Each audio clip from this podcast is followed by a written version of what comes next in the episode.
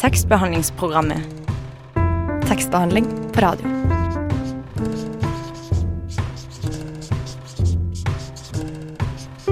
Tekstbehandlingsprogrammet.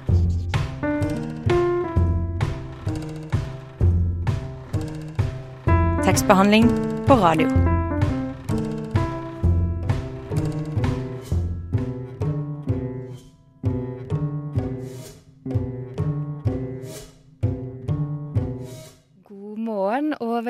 Til tekstbehandlingsprogrammet, Radio Novas eneste og beste litteraturprogram. I dagens sending skal vi snakke om kvinnelige forfattere. Er egentlig kvinnelige forfattere for selvbiografiske i sine verk?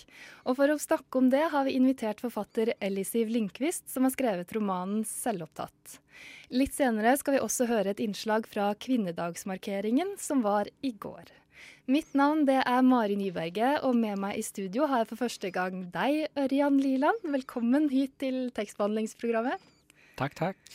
Eh, Du begynte i redaksjonen vår nå rett etter jul, og kan ikke du fortelle litt om hvorfor du hadde lyst til å være med? Jo, jeg, først og fremst, jeg har jo gjort litt radio før, da. Og er veldig glad i bøker. Spesielt eh, Eller mine favorittsjangre er nok science fiction og fantasy.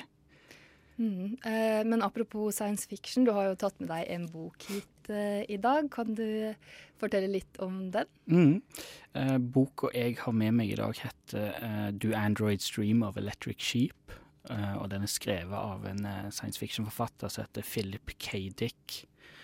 Og boka er nok mest kjent som boka som en av mine absolutt favorittfilmer, 'Blade Runner', er basert på. Mhm. Eh, Kan du fortelle litt kort om hva, hva boka handler om? Jo, eh, som sagt, det er jo en science fiction-bok, da, så det foregår selvfølgelig i framtida. Og jorda er mer eller mindre ødelagt av eh, atomkrig og diverse. Og eh, eh, jorda er mer eller mindre ubeboelig. Og eh, de fleste eh, menneskene har eh, emigrert til sånne såkalte off-world colonies. Og eh, der arbeidet blir for det meste gjort av såkalte androids. Og hovedpersonen i boka har som oppgave å kvitte seg med disse androidene når de ikke er nyttige lenger. Yes. Eh, Men kan ikke si litt om eh, hvorfor du liker den boka her? Vel, eh, det som jeg liker med boka, er jo det at den tar opp litt sånn eh, eh, filoso interessante filosofiske spørsmål, som annet hva vil det si å være et menneske? Fordi disse androidene i boka er såpass um, ekte eller virkelige at du ikke klarer å se forskjell på en ekte person eller en android. Og mange av de androidene òg er innebygd med minner og eh, følelser som gjør de mer eller mindre ekte. Så spørsmålet den boka tar opp, er jo om det er etisk forsvarlig å eh, kvitte seg med disse androidene når de ikke er nyttige lenger. Ja, da fikk vi høre litt om boka 'Do Androids Dream of Electric Sheep'. Nå skal vi høre litt uh, musikk. Det blir Agent Blå med 'Frustrerad'. Hallo, mitt navn er Knut Nærum, og du hører på tekstbehandlingsprogrammet. Jeg går i hvert fall ut fra at du gjør det. Det var svenske Agent Blå med 'Frustrerad'. Og du hører fortsatt på tekstbehandlingsprogrammet her på Radio Nova. Eh, nå så skal det handle litt om eh, kvinnelige forfattere.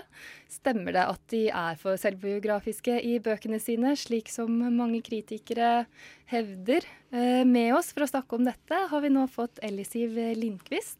Hun er forfatter, dramatiker og har bl.a. skrevet boka 'Selvopptatt'. Velkommen hit til oss. Takk skal du ha.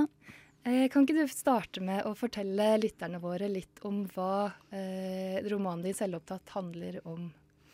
Ja, det handler om en eh, relativt ung kvinne som eh, for så vidt er forfatter, men hun har bare gitt ut ei bok, så hun har lyst til å bli en ordentlig forfatter. da, En sånn som kan bli medlem i Forfatterforeninga. Da må du ha gitt ut minst to bøker. Og så reiser hun til et eh, skrivested å, i fire uker da, for å skrive denne vanskelige andre boka. Og så eh, vikler hun seg inn i et slags trekantforhold med to menn.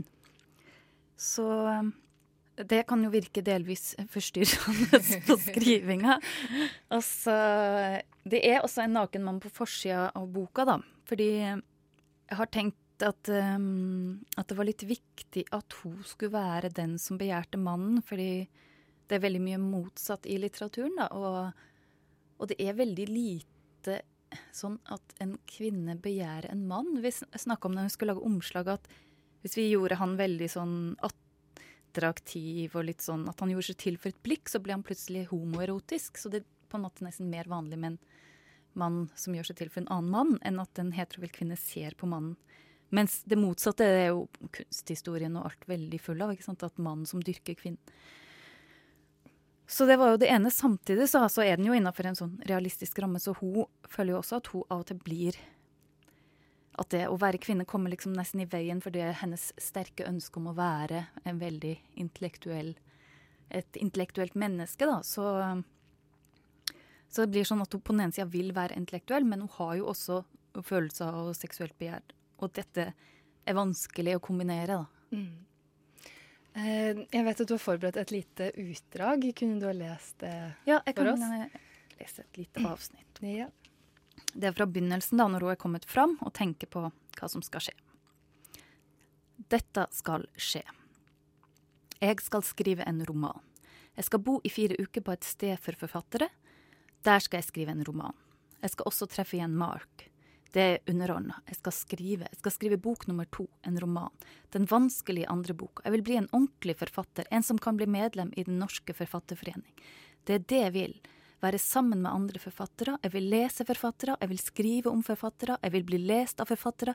Jeg vil snakke med dem. Jeg vil snakke om dem. Jeg vil ha forfattere som venner.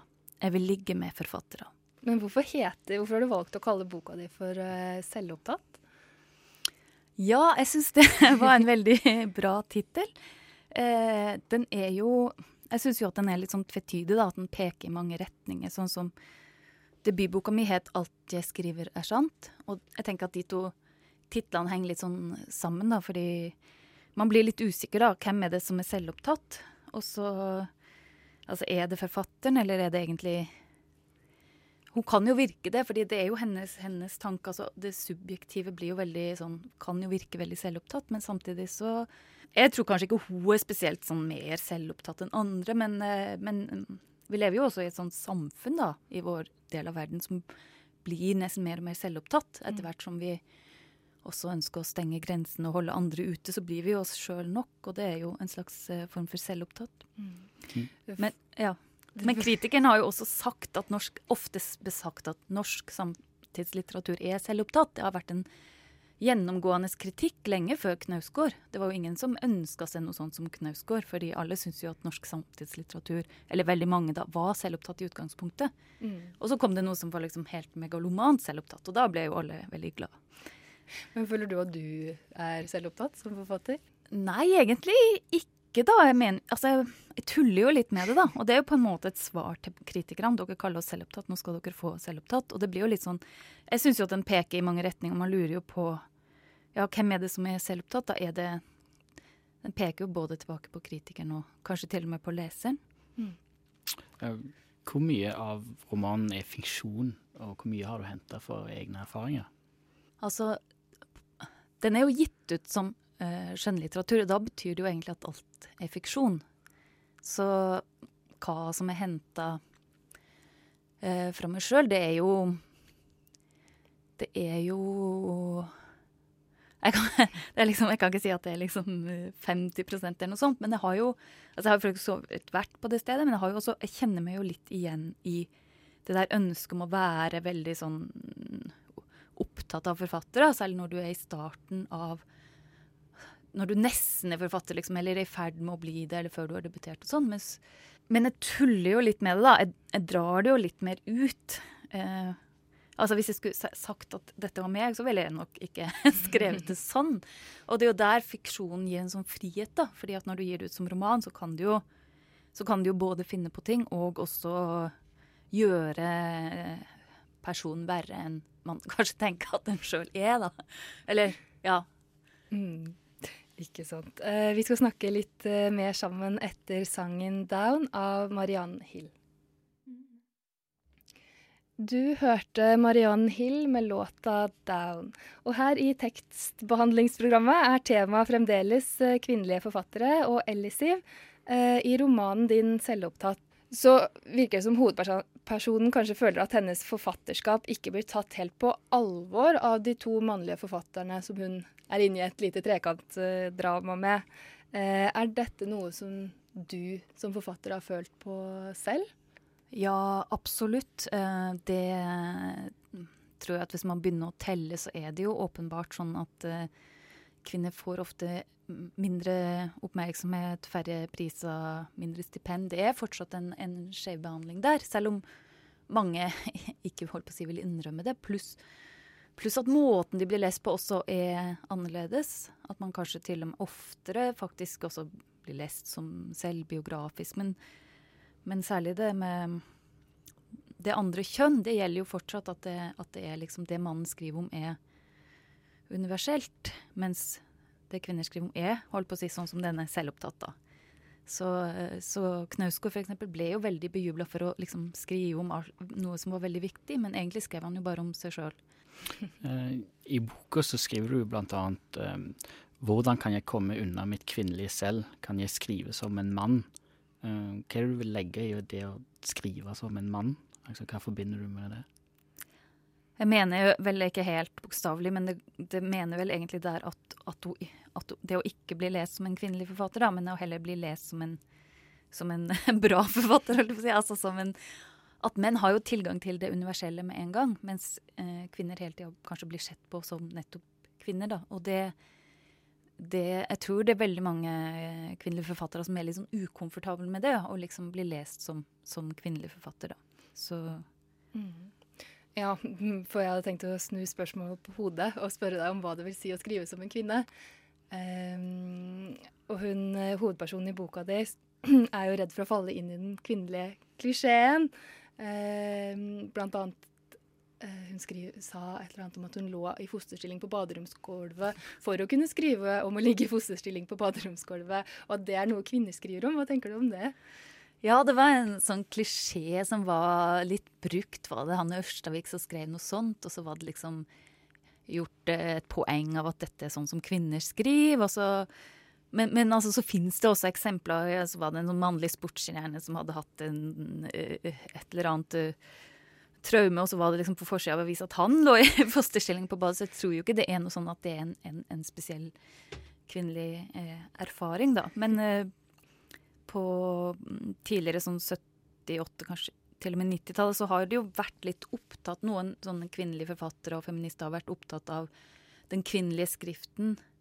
Både Helene Sixou og, og Lucy Rigray Og Karin Moe skrev jo kjønnsskrift på nå husker jeg ikke årstallet, men for en del år siden. Og jeg kan jo skjønne at de var opptatt av det. Men det som jeg syns er litt kult nå, da, noen tiår seinere, er jo at mannlige forfattere, sånn som både Thomas Espedal og Geir Gulliksen, at de stiller spørsmålstegn ved sin egen mannlighet. Og kanskje ønsker å skrive som en kvinne, da. Og det er jo Da er vi jo kommet et skritt eh, videre. Mm. Eh, mer om det etter litt musikk. White Lung med 'Hungry'. Og du hører på tekstbehandlingsprogrammet, og vi snakker fremdeles om hvorvidt kvinnelige forfattere er for selvbiografiske. Og Elisiv, synes du selv at uh, norske kvinner er for selvbiografiske? Eh, nei. Um, og så vet jeg jo heller ikke hvor selvbiografisk noen er. Det vet vel strengt tatt bare forfatteren sjøl. Men det er jo ganske mange forfattere som har stått fram og på en måte påstår at alt de skriver selvopptatt, men da kommer jeg egentlig bare på mannlige forfattere.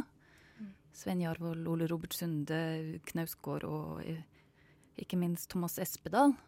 Um, I boka så skriver du bl.a. Uh, kritikerkoret sier at norske forfattere er for selvopptatte. De skriver bare om seg selv. Altså, føler du at uh, det å skrive om seg sjøl er et norsk problem, og ikke nødvendigvis noe som har med kjønn å gjøre?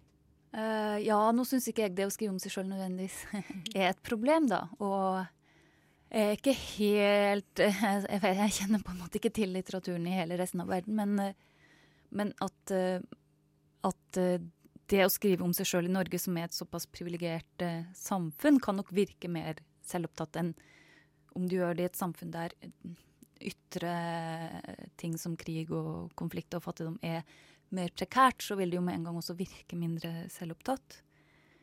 Men eh, det er jo ikke alltid at den uh, nye litteraturen som flytter grenser, nødvendigvis handler om hvorvidt det er selvopptatt eller altså selvopplevd eller ikke. Det er ikke alltid der det ligger. Som Thomas Espedal, som jeg er, er personlig veldig glad i, han har jo sagt at litteratur er forskning, og han bruker vel vidt, nesten alltid sitt eget navn og har det som et jeg, men han, han lager jo likevel fantastisk litteratur, og det tenker jeg at det er mye som ligger der, ikke nødvendigvis om det er Altså Forskjellen er jo på en måte om, om det er god eller dårlig litteratur, ikke om det er selvbiografisk eller ikke. Det er jo et vesentlig skille. Mm. Men er det ikke vanskelig å på en måte ikke skulle bruke seg selv i det man skriver? Og egne erfaringer? Og jo, det tror jeg, fordi så, altså, det er jo mange som kanskje prøver å, å, ta noen andres livshistorie og skrive om den, og det er jo ikke alltid at det blir så vellykka hvis man ikke sjøl har kjent det på kroppen.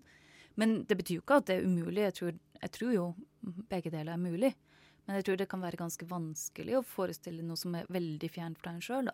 Uh, ja, du skal bli med oss bitte lite grann til, uh, Elisiv. Uh, først skal vi høre 'Gimme a Break' med 'Freedom'. Der hørte vi 'Freedom' med 'Gimme a Break' her i tekstbehandlingsprogrammet. Eh, Elisabeth, føler du at det er vanskeligere å slå igjennom som forfatter hvis du er kvinne, enn hvis du er mann? Um. Ja, absolutt. Det tror jeg nok. Eh, Vigdis Hjorth er jo en veldig anerkjent forfatter nå, men det tok veldig lang tid og mange bøker før hun kanskje har fått en sånn generell anerkjennelse. Hun har nok hatt eh, eh, lesere som har likt henne hele veien, og kanskje mest type kvinnelige lesere, da. Men som jo handler om eh, det som har vært litt i media i det siste, bitekstualitet. At menn leser menn, mens kvinner leser både menn og kvinner. Men jeg tror jo også at Knausgård, for eksempel, igjen som et eksempel, han Altså, jeg tror på en måte, jeg tror faktisk at en, en kvinnelig forfatter som sier jeg vil skrive seks bind om meg selv, jeg tror bare hun hadde blitt stoppa på redaktørnivå. Jeg tror ingen hadde gitt henne ut. Men hvorfor tror du det er sånn, egentlig? Altså, det er jo historiens uh, gang. Vi er, vi er, ikke kommet så langt som vi liker å tro, da. Det er jo altså For å si det litt sånn 2000 års kvinneundertrykkelse blir ikke snudd på 100 år. Nei. Og det er bare 100 år siden vi fikk stemmerett, så eh, Men har du noen råd eh, du vil gi til eh, kvinnelige debutanter? Ja Nei, det er litt vanskelig, fordi uh, Jeg tror nok at noen som kom, er yngre enn oss, føler seg kanskje mer eh, likestilte, eller at ikke At de på en måte bare ja, tar plass i verden. Og det er jo for så vidt uh, eh, en god ting. Samtidig som hvis de kanskje ikke ser strukturene, så tror jeg nok at noen fra min generasjon og eldre kan bli litt sånn irritert over at de faktisk ikke ser de da. At de bare tror at ja, men vi er jo likestilt og alt er greit. Og, og mange får jo kanskje en sånn eh, oppvåkning seinere, da. I, I, forbindelse med, med ja, F.eks. når de får barn, eller når de skal inn på arbeidsmarkedet, eller sånne ting. Selv om ikke det gjelder alle. Og jeg tror vi har kommet ganske langt i Særlig når det gjelder fødselspermisjon med pappaperm, og at jeg tror jo at de fleste unge menn som blir fedre i dag, tar jo et helt annet ansvar og, og ser det som en selvfølge at de skal gjøre like mye som for kanskje bare en generasjon siden. da. Eh, du, det var eh, alt vi rakk. Tusen takk for at du kom hit til oss, eh, Elisiv Lindqvist. Eh, nå skal vi høre litt melankolsk indie-elektronika. Steel med 'Waiting'. Det var svenske Steel med 'Waiting' du hørte der. Forfatteren av romanen 'Svart belte', Marianne Clementin Håheim, har også sterke meninger om kritikken av eh, kvinnelige forfattere som skriver for eh, selvbiografisk.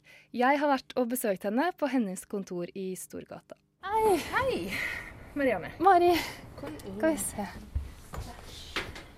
Jeg bare lurer på hva du syns da, um, om den kritikken som har vært om uh, kvinnelige forfattere. Om de skriver for selvbiografisk. Er du enig i det, eller hvordan?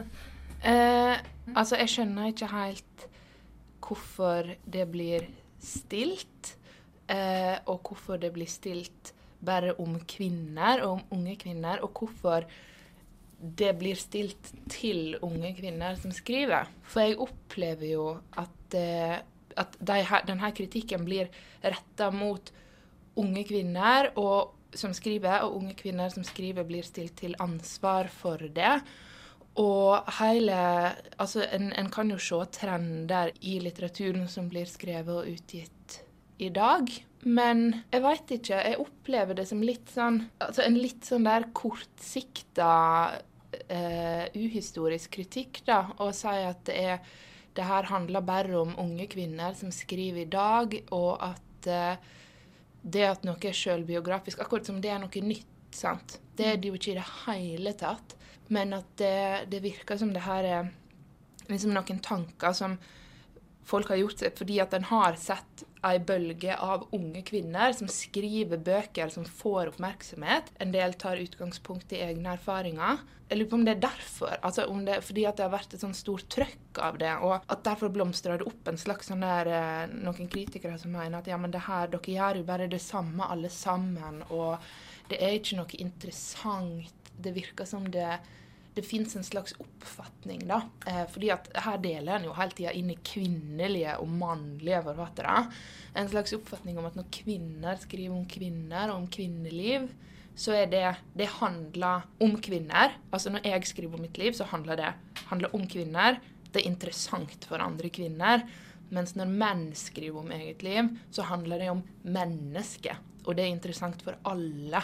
At den der mannlige stemmen og mannlige erfaringer er på en måte allmenn. Ja, for jeg, for jeg lurer på den kritikken som kommer. Altså at forfattere tar utgangspunkt i seg selv eller ting de har opplevd og sånt når de skriver en roman. Er det egentlig noe som er negativt? Altså, hva, hva tenker du om kritikken? Nei, det, det kan jo umulig være negativt. Hvis det hadde vært negativt, så hadde jo ingen bøker vært gode, holdt jeg på å si. Folk tar jo utgangspunkt i seg sjøl, og noen skriver mer sjølbiografisk og tettere opp til sitt eget liv. Men til og med om du skriver fiksjon, så vil du jo alltid ta utgangspunkt i noe du har sett eller hørt eller følt. Og en sier jo at Det blir jo sagt at en skal skrive om det en kan, og det blir jo ofte de tinga som, som, er nærme.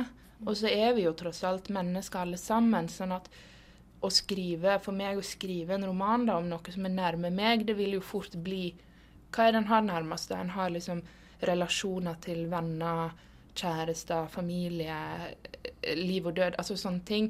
Eh, og det er jo nærmest oss alle, på en måte. Det vil jo Det fins jo så, så mye allmenngyldig der, sjøl om det i utgangspunktet er noe personlig. Mm. Um, så det vil være veldig pussig å skulle sette fingeren på at det er noe negativt, for det gjør jo tross alt alle. Det må jo begynne en plass. Det er jo ikke sånn at du bare finner det på gata og aldri har tenkt på det før, og aldri følt noe som helst relasjon til det temaet, eller Når det gjelder min egen bok, så opplever jo jeg den som så tenker jeg at den er kanskje ikke politisk i seg sjøl, altså mellom de to permene, men den er jo på alle måter for meg et bidrag til en større debatt som er ekstremt viktig i dag, og som eh, i veldig stor grad handler om, om samfunnet vårt og eh, de som er unge i dag, og som, som vokser opp nå. Så jeg, eh, jeg syns det er veldig kjedelig hvis den skal bli redusert til roman skrevet av ung liksom, Se på meg, jeg er ung og jeg har hatt det vondt. Eller liksom det er ganske mye mer enn det, da. For Du ga ut din første roman nå i høst. Og kunne du ikke fortalt litt kort for våre lyttere som ikke har lest den, hva mm. romanen din handler om? Eh, det er en roman som handler om å utvikle og leve med anoreksi og bulimi. Eh, og det er mine egne erfaringer. Eh, jeg har vært sjuk med en eller begge av de sykdommene hele mitt voksne liv. Eh, nå har jeg blitt Eller nå er jeg frisk, men det er ganske nytt for meg. Eh, og jeg har skrevet, eh, skrevet en roman som heter 'Svart belte', om, som, som, går inn der jeg er 13 år, og det her begynner, eller det her prosjektet tar form og etter hvert eskalerer. Og blir tar over hele livet mitt på ganske kort tid. da. Um, og den er skrevet Altså, det som står der, er ting jeg har opplevd sjøl. Det har jeg tatt utgangspunkt i. Uh, så den handler jo om mitt liv, sånn sett. Uh, men jeg har alltid tenkt at den handler ikke først og fremst om meg. Den handler om en sykdom, eller flere sykdommer, og hvordan livet kan bli da, når du blir helt oppslukt av hva, altså hvordan det livet ser ut. Eh, hva som foregår inni hodet til en person som har det sånn. Eh, prosjektet mitt jo, har jo vært å vise fram begge sykdommene på en, en mer ærlig og mer sånn fullstendig måte enn jeg syns de ofte blir fremstilt i media og i populærkultur. Um, for det er veldig vanskelige, veldig mystiske sykdommer som jeg tror det er ekstremt vanskelig for folk å forstå. Eh, folk tenker jo at sant, det, er jo bare å, det er jo bare å ete noe. Det er jo bare å slutte å kaste opp. Det er det jo ikke i det hele tatt. Eh, det er jo ekstremt alvorlige psykiske lidelser. Eh, og jeg vil gjerne være med på å gjøre og liksom å invitere folk inn, på en måte. Eh, Sånn kan det være, sånn kan det se ut, sånn kan du tenke. For å bidra til en større forståelse. Og så har en jo selvsagt et behov for å fortelle historien sin som menneske, og det tror jeg jo òg er altså Mye av motivasjonen, eller det som ligger der når folk skriver med utgangspunkt i seg sjøl og skriver sine egne liv. En vil jo fortelle. Det er jo det som som driver så mange av oss. Sant? En vil fortelle hva en har sett og opplevd, og en vil dele. Og en vil gjøre seg synlig, og en vil gjøre seg forstått. Og det blir kanskje ekstra viktig når en har opplevd noe, noe tungt og noe traumatiserende. Um, så det, det, er vel en kombinasjon der. sant? Altså det, det her er liksom min livshistorie så langt. Jeg vil fortelle den fordi jeg har behov for det, og fordi jeg tror det er viktig, og jeg tror det er nødvendig. Så skal en jo selvsagt kritisere litteraturen og se på hva som skjer, og en skal, eh, en skal ikke liksom juble over alt som ei ung kvinne har skrevet bare pga. det. Um, men jeg syns en ja, jeg syns det er en del folk som kan ta seg en bolle, da, og se litt større på det her. Og lese den litteraturen vi har, med et litt åpnere sinn. Kanskje det hadde hjulpet hvis en liksom jeg lurer på hvordan folk hadde lest bøker hvis de ikke fikk vite hvem som hadde skrevet dem. Eh, hadde en da lest dem helt annerledes? Det kan godt hende. Tekstbehandlingsprogrammet på Radio Nova FM 99,3 og radionova.no. Nå skal vi høre et innslag fra våre reportere Andrea Rustad Nymoen og Malene Storusten, som har tatt pulsen på 8. mars-markeringen på Jungstorget. De har sett på hvilke paroler som er på agendaen i år, og bl.a. snakket med kvinnegruppen Ottar om deres slagord. Ja, hva, hva syns du om uh, årets uh, parole? Jeg er glad for uh, hovedparolen som står foran her. Feminismen er grenseløs. Gi vern til kvinner på flukt. Det er så viktig å ta alvorlig. Derfor skulle det vært stappa fullt her. Og jeg håper det kommer mange, mange som stiller seg bak eh, den parolen. Hva syns du om slagordet, da? Syns du at det treffer på en god måte? Ja, det syns jeg så absolutt. Ja. Da er eh, Andrea og jeg eh, på Jungstorget. Det er da 8. mars og den store kvinnedagen. Vi skal eh, se på hvilke slagord som er i, i toget i år, og hvilke taler som skal holdes. Og så skal vi forhåpentligvis få noen folk i tale. Yes. Vi vil introdusere litt her først, da. Ja, da står vi her med Vil du si hva du heter? Eller? Mathilde Klemetsen. Mathilde Klemetsen. Uten H og med C. Uten H og med C. Det er viktig, det er viktig det, med ord. Eh, hva syns du om eh, hovedparolen i år? Jeg syns den er veldig fin, fordi den eh, dekker over veldig mange kvinner. Og er, handler ikke bare om en interesse. Den den er ledig til alle kvinner som er på flukt, som er spesielt utsatt. Kvinner på flukt er spesielt utsatt for eh, å bli vanskeligstilte. Så derfor liker jeg den. Hva syns du om, ord, eh, om ordvalget i, eh, i parolen? Um, det, ordvalget er flott. Uh, det, det, jeg liker det ganske godt, fordi det er faktisk det, det sier ikke noe negativt. Det er ikke et negativt ladet ord. Ordet vern er jo, eh, er jo handler bare om beskyttelse, og ikke at man skal løfte noen opp som om de egentlig er svakere enn noen andre. Så det er et likestilt ord. Likestillingsord. Ja. Ja, det er veldig fint. veldig fint. Feminismen er grenseløs òg. Det er litt sånn, det gir litt Ja. Sprenger litt grenser òg, da. Mm. Feminismen er grenseløs, nettopp. Ja. Yes. Ja, men så bra. Så bra. Ja.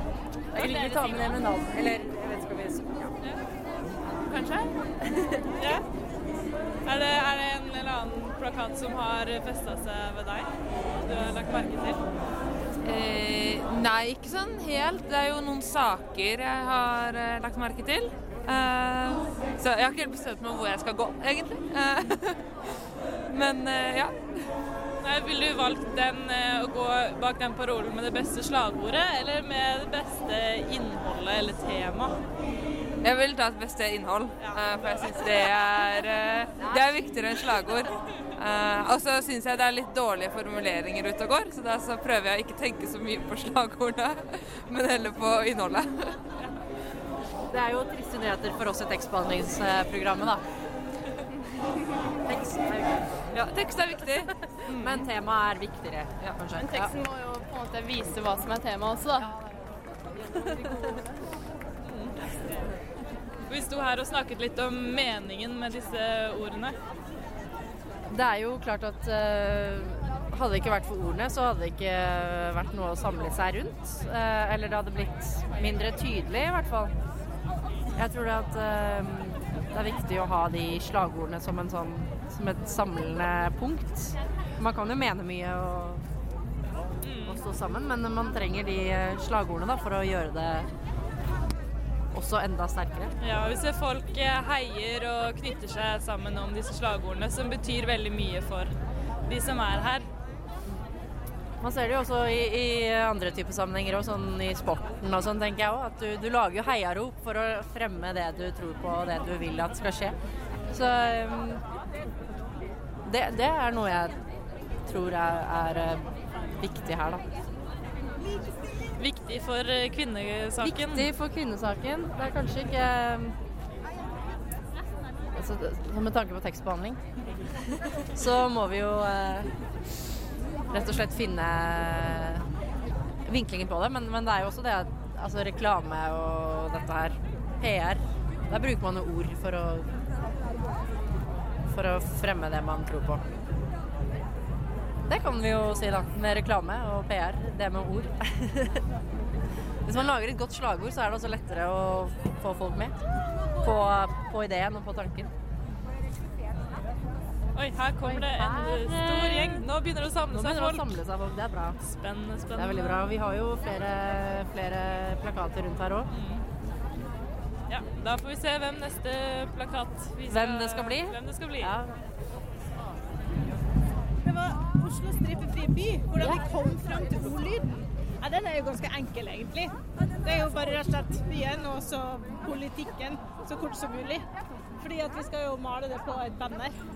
Og det er litt sånn praktisk, for vi kan ikke ha for mange ord. Det er jo det som vi syns er litt sånn betegnende på en organisasjon som kanskje ikke er så røynt, er at de foreslår ting som er sånn Fordi at det må males. Så sånn rent praktiske årsaker òg, så kommer jo slagordet Ja, sant. Oslo stripe friby. Og jeg vet ikke hva som er den lengste parolen som er, men, men eh, ja, det er jo, vi er alltid veldig fornøyd med oss sjøl når vi kommer fram til sånne veldig korte paroler. Sånn som denne her vi går bak nå. Stopp pornokulturen. Det er noen som sikkert kan lure på den, men den er jo klar og tydelig. Her kommer vi! Her kommer vi! Du hørte bergenserne Sushi X Kobe med låta 'Papi'. Det var alt vi hadde i tekstbehandlingsprogrammet denne onsdagen, men fortvil ikke, vi er tilbake neste uke til samme tid her på Radio Nova 99,3. I studio i dag var meg, Mari Nyberget, og Ørjan Liland. Vår flinke tekniker var som alltid Oda Archer. Tusen takk til gjestene våre. Ha en fortsatt fin onsdag.